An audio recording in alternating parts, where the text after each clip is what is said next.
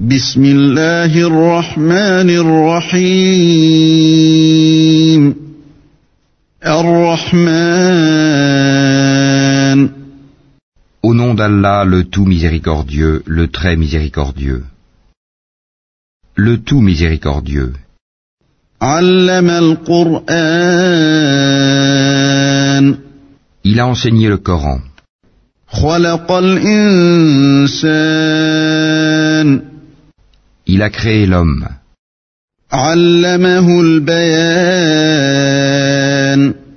Il lui a appris à s'exprimer clairement.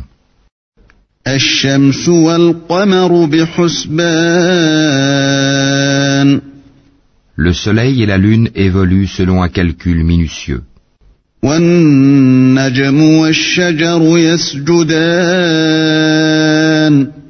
Et l'herbe et les arbres se prosternent. والسماء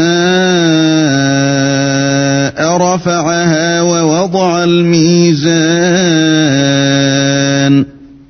Et quant au ciel, il l'a élevé bien haut, et il a établi la balance, ألا تطغوا في الميزان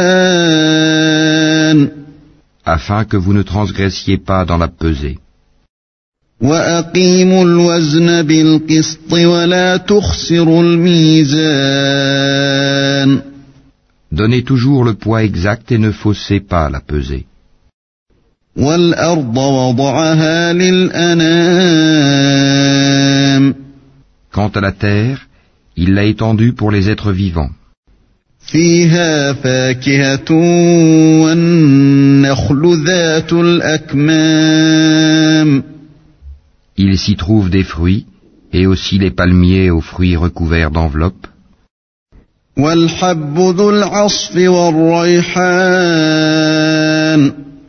Tout comme les grains dans leurs balles et les plantes aromatiques.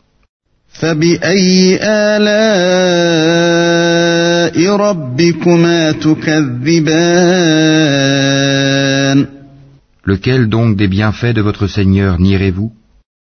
خلق الإنسان من صلصال كالفخار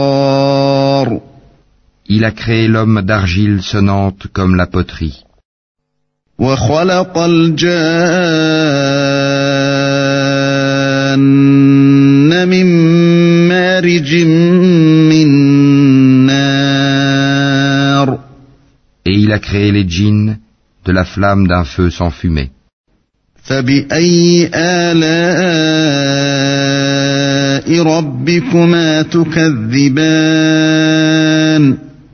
Lequel donc des bienfaits de votre Seigneur nierez-vous?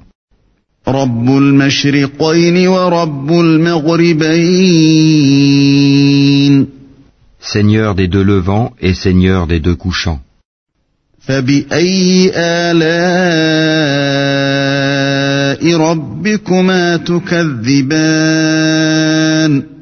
Lequel donc des bienfaits de votre Seigneur nierez-vous?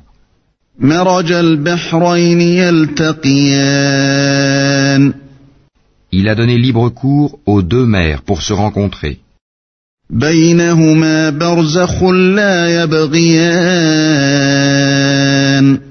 Il y a entre elles une barrière qu'elles ne dépassent pas. فبأي آلاء ربكما تكذبان Lequel donc des bienfaits de votre Seigneur nierez-vous يخرج منهما اللؤلؤ والمرجان De ces deux mers sortent la perle et le corail. فبأي آلاء ربكما تكذبان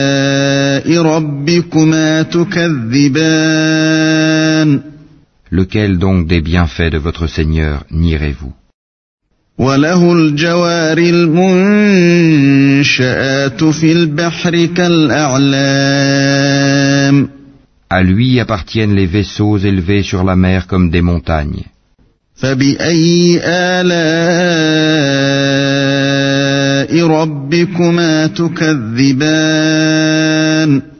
Lequel donc des bienfaits de votre Seigneur nierez-vous?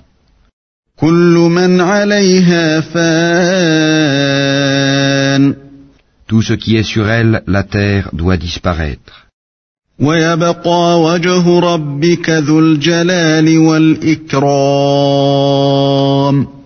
Seule subsistera la face, Waj, de ton Seigneur, plein de majesté et de noblesse.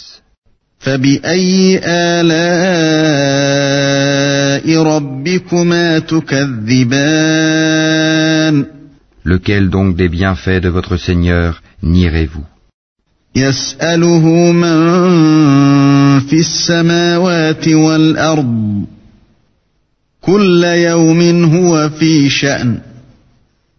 Ceux qui sont dans les cieux et la terre l'implorent. Chaque jour il accomplit une œuvre nouvelle.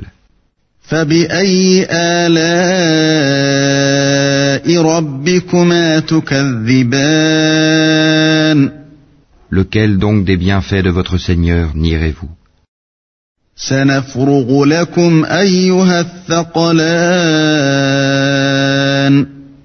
Nous allons bientôt entreprendre votre jugement, ô vous les deux charges, hommes et djinns. فبأي آلاء ربكما تكذبان Lequel donc des bienfaits de votre Seigneur nierez-vous يا معشر الجن والإنس إن استطعتم أن تنفذوا من أقطار السماوات والأرض فانفذوا لا تنفذون إلا بسلطان Ô peuple de djinns et d'hommes, si vous pouvez sortir du domaine des cieux et de la terre, alors faites-le. Mais vous ne pourrez en sortir qu'à l'aide d'un pouvoir illimité.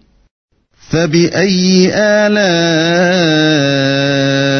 ربكما تكذبان Lequel donc des bienfaits de votre Seigneur nierez-vous يرسل عليكما شواظ من نار ونحاس فلا تنتصران Il sera lancé contre vous un jet de feu et de fumée ou de cuivre fondu, et vous ne serez pas secourus.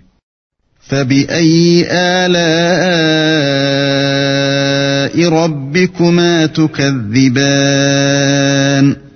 Lequel donc des bienfaits de votre Seigneur nierez-vous?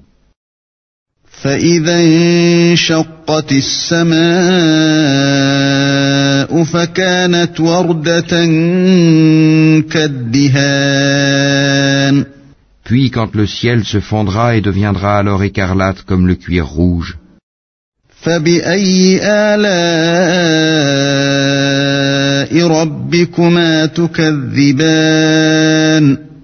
Lequel donc des bienfaits de votre Seigneur nierez-vous?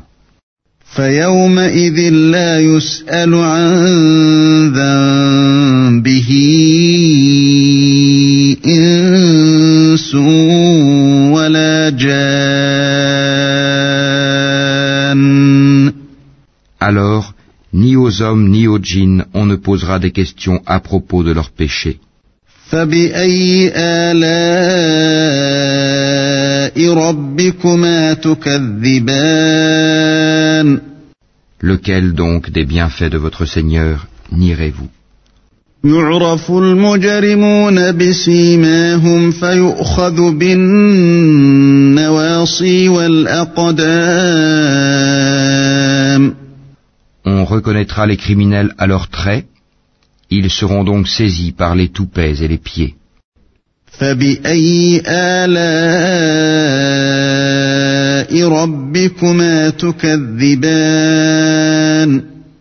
Lequel donc des bienfaits de votre Seigneur nierez-vous?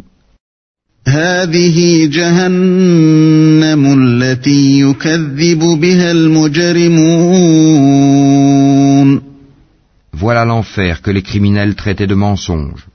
يطوفون بينها وبين حميم آن Ils feront le va-et-vient entre lui, l'enfer, et une eau bouillante extrêmement chaude. فبأي آلاء ربكما تكذبان Lequel donc des bienfaits de votre Seigneur nierez-vous ولمن خاف مقام ربه جنتان Et pour celui qui aura craint de comparaître devant son Seigneur, il y aura deux jardins. فبأي آلاء ربكما تكذبان Lequel donc des bienfaits de votre Seigneur nierez-vous ذواتا أفنان Aux branches touffues. فبأي آلاء ربكما تكذبان Lequel donc des bienfaits de votre Seigneur nierez-vous فيهما عينان تجريان Ils y trouveront deux sources courantes. فبأي آلاء ربكما تكذبان Lequel donc des bienfaits de votre Seigneur nierez-vous فيهما من كل فاكهة زوجان Ils contiennent deux espèces de chaque fruit. فبأي آلاء ربكما تكذبان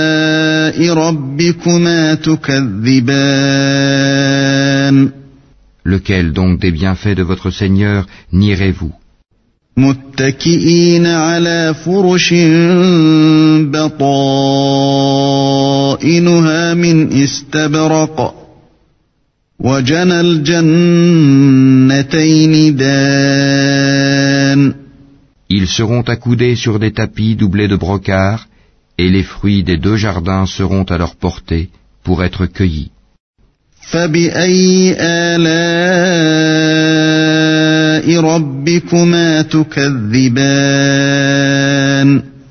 Lequel donc des bienfaits de votre Seigneur nierez-vous?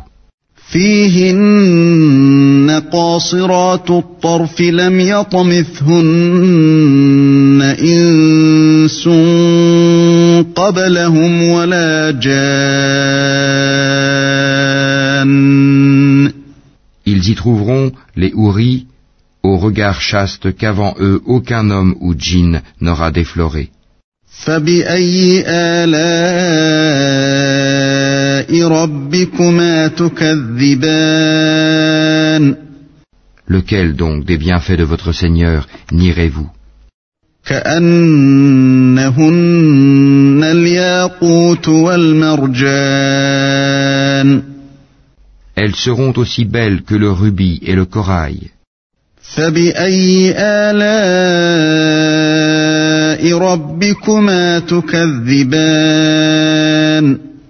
Lequel donc des bienfaits de votre Seigneur nierez-vous هل جزاء الإحسان إلا الإحسان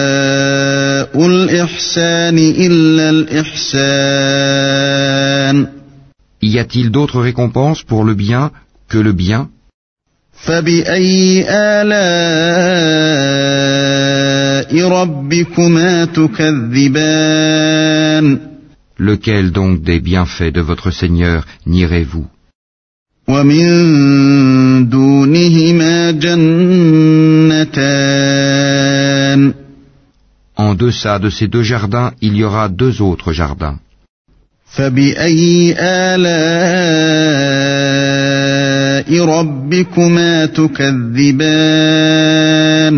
Lequel donc des bienfaits de votre Seigneur nirez-vous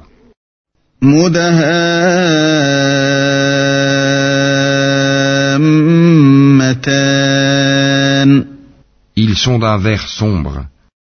فبأي آلاء ربكما تكذبان Lequel donc des bienfaits de votre Seigneur nierez-vous فيهما عينان نضاختان Dans lesquels il y aura deux sources jaillissantes. فبأي آلاء ربكما تكذبان Lequel donc des bienfaits de votre Seigneur nierez-vous فيهما فاكهة ونخل ورمان Ils contiennent des fruits, des palmiers et des grenadiers. فبأي آلاء ربكما تكذبان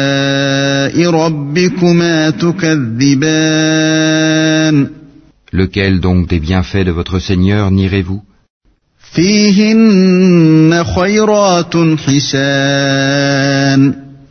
Là il y aura des vertueuses et des belles.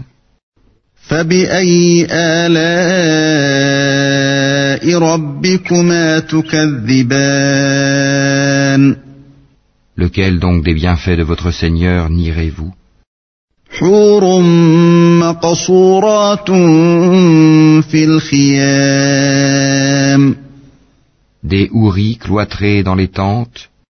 فبأي آلاء ربكما تكذبان Lequel donc des bienfaits de votre Seigneur nierez-vous لم يطمثهن إنس قبلهم ولا جان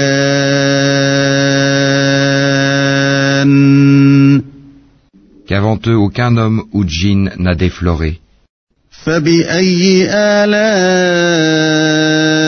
ربكما تكذبان Lequel donc des bienfaits de votre Seigneur nierez-vous متكئين على رفرف خضر وعبقري حسان Ils seront accoudés sur des coussins verts et des tapis épais et jolis. فبأي آلاء ربكما تكذبان Lequel donc des bienfaits de votre Seigneur nierez-vous تبارك اسم ربك ذي الجلال والإكرام Béni soit le nom de ton Seigneur, plein de majesté et de munificence.